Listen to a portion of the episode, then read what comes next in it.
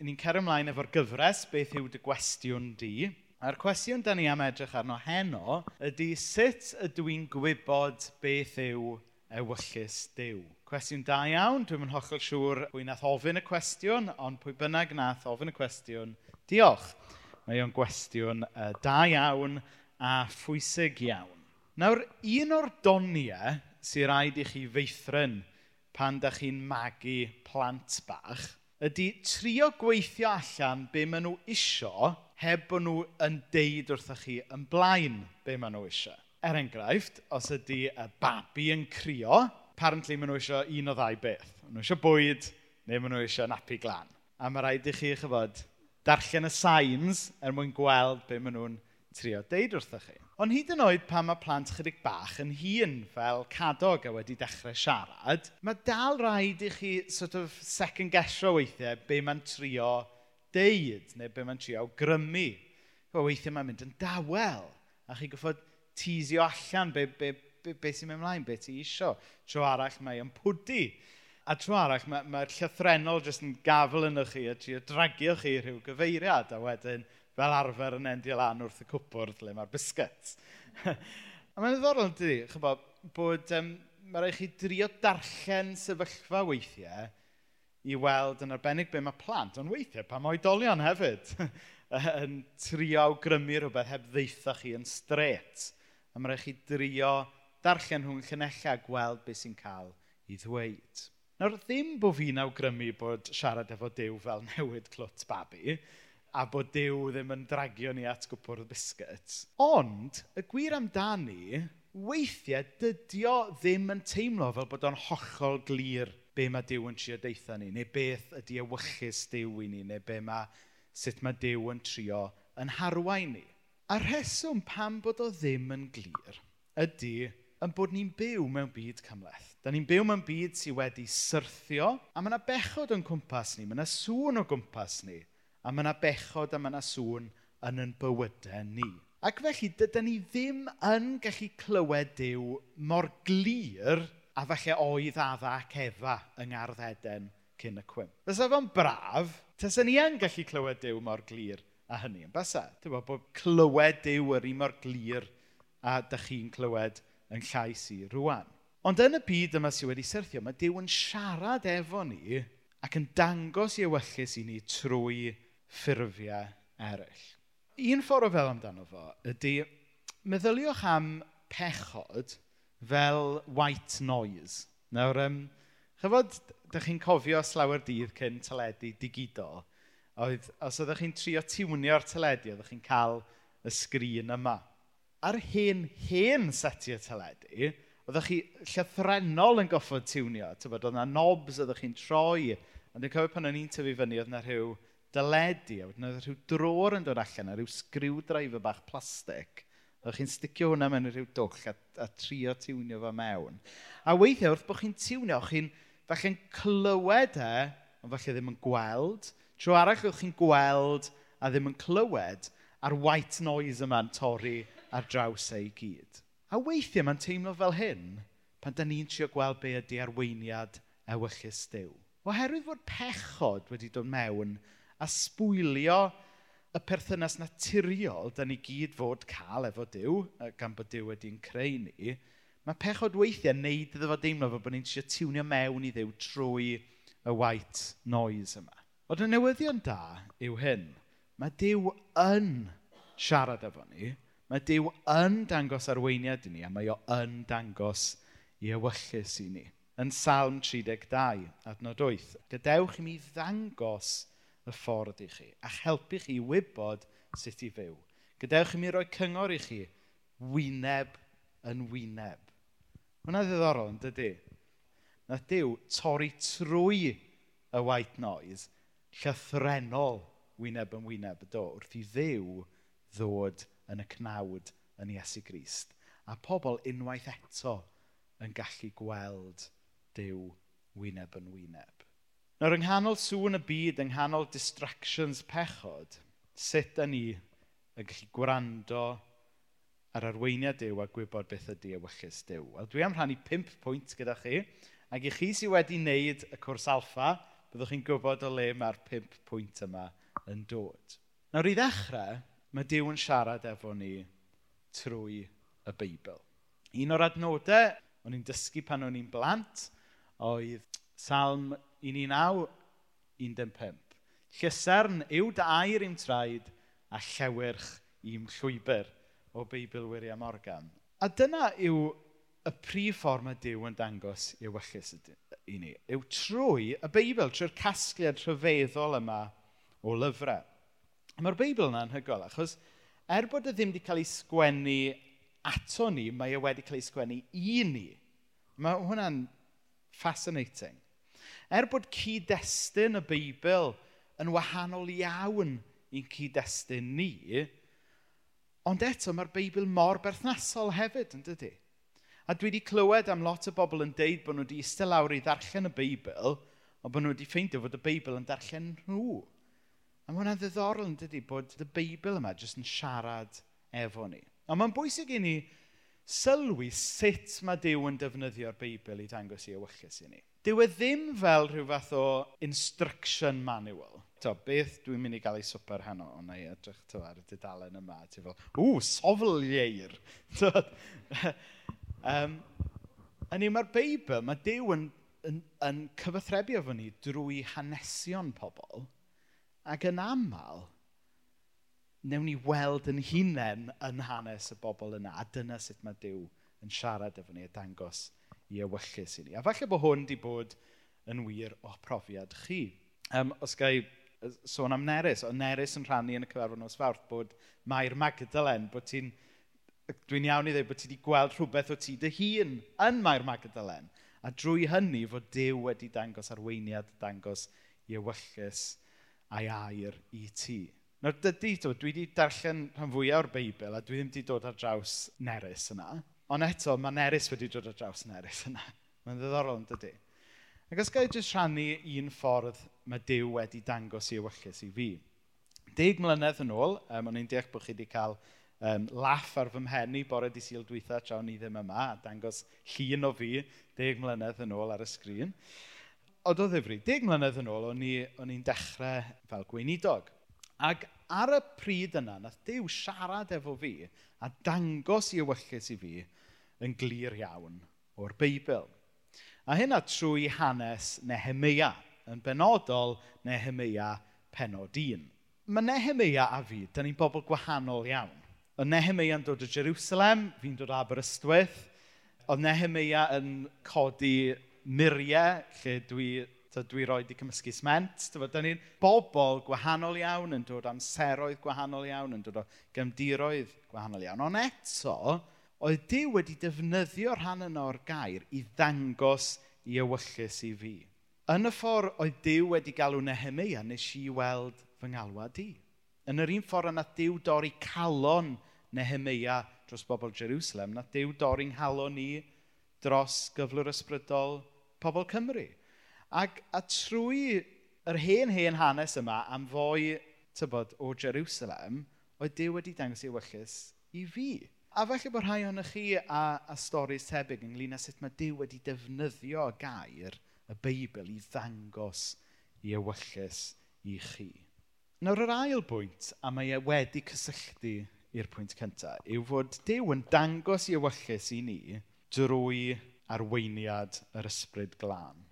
Nawr mae'r ysbryd glân yn... Um, mae e fel bod yn rhoi nudges. Chybod, chybod, ti'n meddwl nawr am enghraifft? Bore yma nawr oedd mena ddim yn meddwl bod fi wedi rhoi cyflwyniad digon teilwng i Simeon. Achos, tyfo, nes i... Ie. So hanner ffordd trwy prega Simeon, dwi'n cael text message gan mena. Mae'n fel... Mae rhan fwy o bobl yma ddim yn gwybod pwy yw e. Mae eisiau ti ddeud gair am pwy yw e. Tyfo, beth yw job e, pam bod ni wedi gyhoedd e, bla, bla. So, So, so ges i rhyw nudge. Fel, o ddim literal nudge, os oedd men am sawch arall, so nath i roi nudge digidol i fi trwy'r ffôn, ond beth bynnag. A wedyn ar diwedd, drwy'r applic o'r lan, nes i ddweud pwy oedd sy'n mewn, bach o seifr fyna. Ond beth bynnag, chybod, falle bod chi yn eich bywyd o difrifoli am eilio, falle bod chi jyst yn teimlo rhyw redd weithiau am rhywbeth. A fel Cresnogion, fe allwn ni yn ofalus ac os yw'n leinio lan efo'r Beibl, ddweud, yr ysbryd glân oedd hwnna nid jyst rhyw chwew oedd e, ond yr ysbryd glân yn trio ngwthio i, i rhyw gyfeiriad. A mae Paul yn dweud wrth yr Philippiaid, dyna yw'r adnod yna, mae Dyw ar waith yn eich bywydau chi yn creu'r awydd yno chi am eich galluogi chi wneud beth sy'n ei blesio fe. Creu'r awydd. A'r ysbryd glân ydy hwnna. A'r ysbryd glân ar waith y mywyd y Cristion yn, yn nydio ni i ambell gyfeiriad. A'r ysbryd glân sydd wrth gwrs yn troi y Beibl yn rhywbeth byw i ni, yn fe? Heb yr ysbryd glân, just ge geiriau ar bapur ydy'r Beibl. Ond eto, da ni gyd yn gwybod bod y Beibl lot mwy na hynny. A'r ysbryd glân sy'n dod ar Beibl yn air byw i ni. Yr ysbryd glân sy'n nath wneud i Nerys weld i stori hi yn stori Mair Magdalen. Dwi'n cymryd, to, pan o ti'n darllen Sally Mali efo Samuel yn tyfu fyny, oedd e ti fel, o, oh, dwi'n gweld fy hun yn stori Sally Mali fan hyn. Falle bod hwnna'n wir, ond, ond pwynt dwi'n siarad wneud ydy, pan ni'n darllen y Beibl, mae rhywbeth dyfnach yn digwydd yn dais. So, mae Dyw yn gwneud rhyw connection. A'r ysbryd glân sy'n dod â'r Beibl yn fyw, a'r Beibl wedyn sy'n helpu ni bwyso mesur os oedd y nudge yna gan yr ysbryd glân neu beidio. Chi'n chi ddechrau chi'n meddwl? Wneith yr ysbryd glân byth yn nydio ni gyfeiriad sydd yn groes i'r Beibl. Mae'r gwirionedd a'r ysbryd, os ydyn nhw gan ddew, wastad ar yr un trac. Os ydyn ni'n teimlo mae'r ysbryd glân yn mynd yn ei gyfeiriad gwahanol i'r Beibl, yna mae eisiau ni sylwi, mae nid yr ysbryd glân oedd e. Equally, os, os y'n ni'n darllen darn o'r Beibl, a bod yn mynd yn groes i gymeriad a natur y diw sydd wedi ddatguddio i ni yn y Beibl yn arbennig yn Iesu Grist, yna mae eisiau eistedd lawr a darllen y darn yna o'r Beibl eto. Mae ysbryd a gwirionedd diw yn ddau linell ar yr un trac. Y trydydd ffordd mae Dyw yn, yn dangos arweiniad a wyllus i ni ydy trwy grisnogion eraill. Mae llyfr y diarhebion yn dweud, mae'r ffwl byrbwyll yn meddwl ei fod yn gwybod orau, ond mae'r person doeth yn derbyn cyngor. Nawr dwi mor ddiolchgar am ymyrraeth mam a mena yn fy mywyd. Achos dwi ddim wastad y person mwyaf doeth. Weithiau mae mae mrwdfrydedd i yn mynd o flaen fy noethineb i. Dwi hefyd y math o berson sydd eisiau sortio popeth allan nawr dwi'n stryglo i aros tan bod fi'n gweld y person tro nesaf neu even yn stryglo i adl rhywbeth tan fori. Dwi eisiau gwneud sorti popeth arall rwan. A mae hwnna weithiau yn arwain fi i, i wneud a dweud pethau anoeth. Ac felly dwi'n gwerthfarogi pan mae Cresnogion eraill yn siarad a rhoi cyngor a siarad doethineb mewn i fy mywyd i. Mae'n dweud yn 1 Iowan 4.1, Ffrindiau annwyl, peidiwch credu pawb sy'n dweud eu bod nhw'n siarad drwy'r ysbryd. Rhaid i chi ei profi nhw i weld os ydy beth maen nhw'n dweud yn wir yn dod oddi wrth ddew. So dwi'n meddwl mae hwn yn bwysig iawn, yn arbennig falle os ydyn ni fel eglwys, yn arbennig yn y cyfarfod torri syched, mynd i geisio'r ysbryd a gweld os ydy Dyw yn siarad geiriau mewn i, i fywydau'n gilydd. Mae'n bwysig bod ni'n gofyn, wel, Sut ydym ni'n gwybod fod y gair mae rhywun yn siarad drosto ni neu'n dod i ni go iawn yn air gan ddew, neu os ydy jyst yn rhywbeth mae rhywun wedi cwcio lan i hunain. A mae'r Beibl yn dweithio ni brofi yr ysbryd fel hyn. So sut mae gwneud hynny? Sut mae gwybod pa mae grisnogion arall yn siarad cyngor uh, mewn i'n bywyd ni? Sut mae profi bod e go iawn gyda'r ddew? Wel, Prawf cyntaf yw gofyn ydy'r gair in line gyda be mae'r Beibl yn dweud. Achos fysa Dyw ddim yn gwrthweud i hun. So dyna'r peth cyntaf. Yr ail beth yw, ni'n gwybod beth ydy natur Dyw. A mae Dyw cariad Dyw. Felly gofynnwch os ydy'r gair yn air cariadus. Nawr, mae'n bwysig cofio weithiau tough love, ynddo fe? Hynny yw, jyst achos bod e ddim yn rhywbeth da ni eisiau glywed, Dyw hwnna ddim yn golygu bod ni'n gallu dismisio fe. Chos weithiau mae geiriau o gariad yn eiriau anodd i'w derbyn yn dydy os ydyn nhw'n siarad gwirionedd. Ond wedyn, allwn ni ofyn rhai cwestiynau pellach.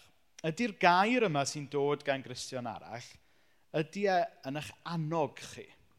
Chos fysa Dyw ddim yn tynnu chi lawr. Ydy e'n air sydd yn eich cryfhau a'ch adeiladu chi? Chos unwaith eto, fysa Dyw ddim yn y busnes o faglu chi ydy e'n air sydd yn cysuro chi. Achos dydy, mae Dyw yn y busnes o gysuro, dydy. Mae yna brofion fel petai gallwn ni wneud. Dylen ni fod yn barod i siarad cyngor, siarad geiriau, um, o ddoethineb geiriau, o broffidolaethau mewn i fywyd yn gilydd, cyhyd, a bod e in-line gyda'r Beibl, a bod e'n sort of pasio'r profion yna. Ydy e'n air o gariad, ydy e'n annog, ydy e'n cryfhau, ydy e'n cysuro. Nawr y pedwerydd ffordd mae Dyw yn gallu dangos i ewyllus yn ni ydy trwy synwyr cyffredin, trwy common sense. A dwi'n meddwl mae hwn yn bwynt mae lot o grisnogion yn anhofio. Achos chybod, bod ni'n grisnogion, bod ni'n bobl ysbrydol, tybod. Bod ni'n meddwl weithio bod rhaid ni adael common sense wrth y drws pan da ni'n dod yn grisnogion, tybod. Ond dydy hwnna ddim yn wir. Mae'r gair yn dweithio ni garu Dyw gyda'n holl galon, ie, yeah, gyda'n holl enaid, ie, ond gyda'n holl feddwl hefyd. Wrth ddod yn Gristion, dwi e ddim yn disgwyl i ni wedyn bod yn greaduriadol sy'n credu unrhyw beth a gadael yn common sense wrth y drws. Mae Dyw wedi rhoi'r meddwl i ni, a mae eisiau ni ddefnyddio'r meddwl yna i geisio deall i arweiniad a'i ewyllus e yn yn bywyd ni. Ac felly fel Cresnogion sydd yn credu wrth gwrs yn yr arweiniad ysbrydol, mae'n bwysig bod ni ddim yn dibrisio synwyr cyffredin chwaith. Mae hwnna'n rodd gan ddew. Wedyn y pumed pwynt a'r pwynt ola, bod Dyw yn gallu dangos i ewyllus i ni drwy sefyllfaoedd, drwy arwyddion os hoffech chi. Yn Paul yn dweud wrth y rhyfeiniad, dyn ni'n gwybod fod Dyw wedi trefnu popeth er lles y rhai sy'n ei garu, sef y rhai mae wedi galw i gyflawni ei fwriadau yn yr moment diwylliannol yma, da ni'n ffeindio ei hunan yn ddefa efo'r coronavirus, dwi wedi clywed lot o Grisnogion yn deud, tybo, bod mae Dyw mynd i ddefnyddio hwn, neu, neu mae Dyw wedi achosi hwn am, am reswm math o beth. Dwi'n meddwl bod angen i fod yn ddoeth iawn wrth, wrth ddweud pethau fel yna. Dwi'n meddwl bod o'n anghywir dweud mae Dyw sydd wedi danfon y coronavirus i ddysgu gwers neu rhywbeth wedi dweud hynny yn ofalus ac yn ddoeth, fe allwn ni ddweud y gall Dyw ddefnyddio hwn i ddangos i gariad. A mae yna wahaniaeth pwysig fyna, yn does, rhwng, rhwng dweud, o, tyfa, mae, mae Dyw sydd wedi achosi hwn, a dweud, wel, na, mae hwn wedi digwydd achos bod y byd mae wedi syrthio, bod yna bechod, bod pethau'n wrong, ond mae Dyw yn gallu defnyddio hwn i ddangos tosturi, i ddangos cariad mae Dyw yn gallu defnyddio sefyllfaoedd i ddangos arweiniad a dangos i allu. Ond dyw hwnna ddim yn golygu fod Dyw wedi ewyllysio fod y peth drwg yna wedi digwydd. Chi'n deall beth sydd fi? Mae yna wahaniaeth pwysig fyna. Ac, ac os dwi'n onest, di Gristnogion ddim wastad yn cael hwnna'n iawn. A, a pan mae hwnna'n digwydd, dwi'n meddwl mae'n dystiolaeth wael. Mae pobl yn meddwl bod yn diw ni'n ddiw sy'n danfon trychinebau mewn i fywydau pobl yn, yn fwriadol er mwyn um, dysgu gwers neu rhywbeth. Dwi'n gwybod, falle bod chi wedi gweld Dyw yn defnyddio rhyw sefyllfa yn eich bywyd i ddangos i ewyllus a'i arweiniad. No, mae genna i un enghraifft hollol fydol, really, o, na, neu rhannu fe for, for what it's worth. Just gen i ni gael cadog, wnaethon ni symud tŷ, na rhai o'ch chi'n gwybod. Ac doedd e ddim ar yn reida ni o gwbl i symud tŷ. Hynny yw, chwech wythnos cyn bod babi cyntaf cyrraedd, y peth ola ydych chi eisiau gwneud ydy symud tŷ.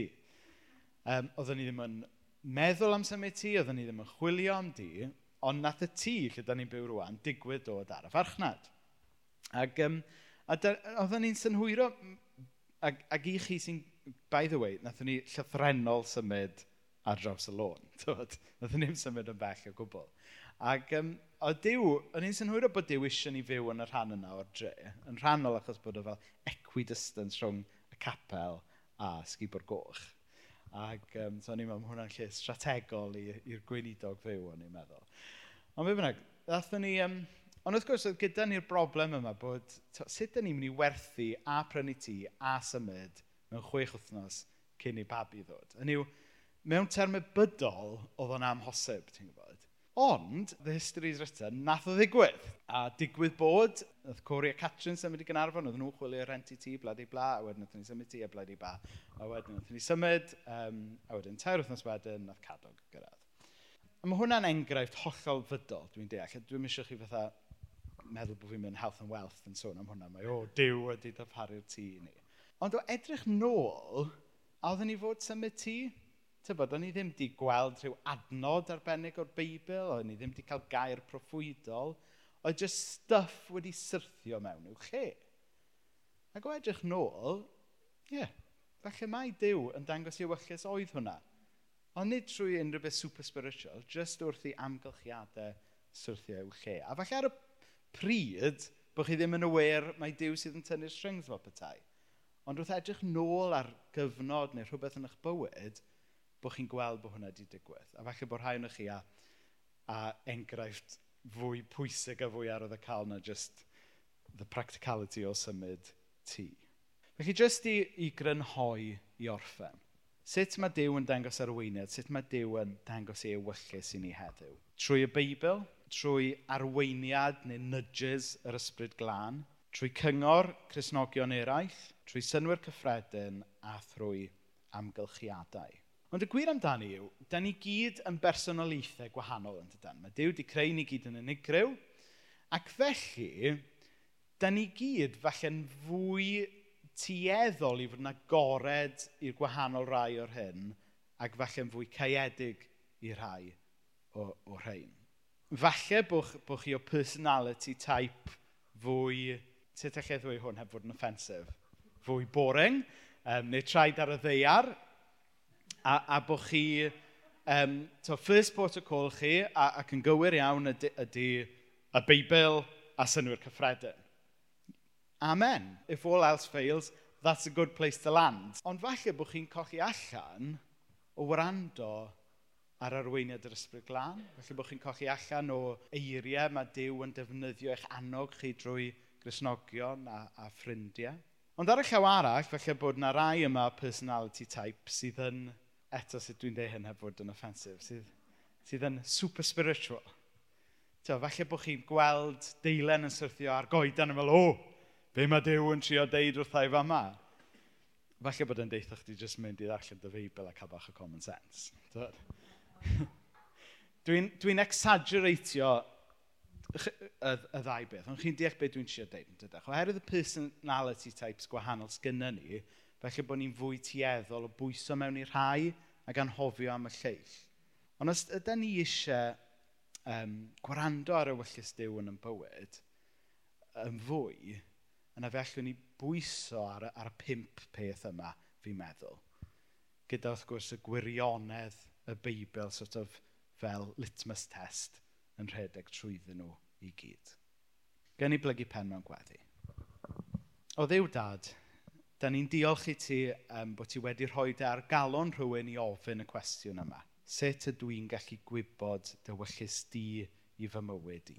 Ac o ddiw dad, dwi'n siŵr bod ni gyd wedi gofyn y cwestiwn yma mewn, mewn rhyw ffordd neu gilydd.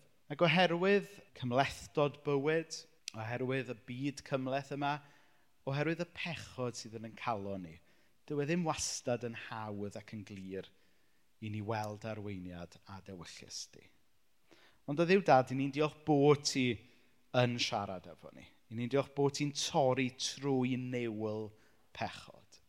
Dyn ni'n diolch bod ti wedi dangos dy hun i ni ac yn cyfathrebu efo ni yn y Beibl. Dyn ni'n diolch bod yr ysbryd glân yn ynydio ni. Dyn ni'n diolch bod ti wedi rhoi Cresnogion eraill o'n cwmpas ni sy'n sy helpu ni ddirnad dewyllus di. I ni'n diolch bod ti wedi rhoi common sense i ni. Ac y ddiw dad, da ni yn diolch ac yn gofyn i ti roi ffydd i ni weld sut wyt ti'n cyfathrebu efo ni trwy amgylchiadau, drwy circumstances hefyd. O ddiw dad, da ni'n diolch bod ti wedi creu pawb yma yn unigryw ac yn arbennig a bod ni gyd falle o um, personality types gwahanol.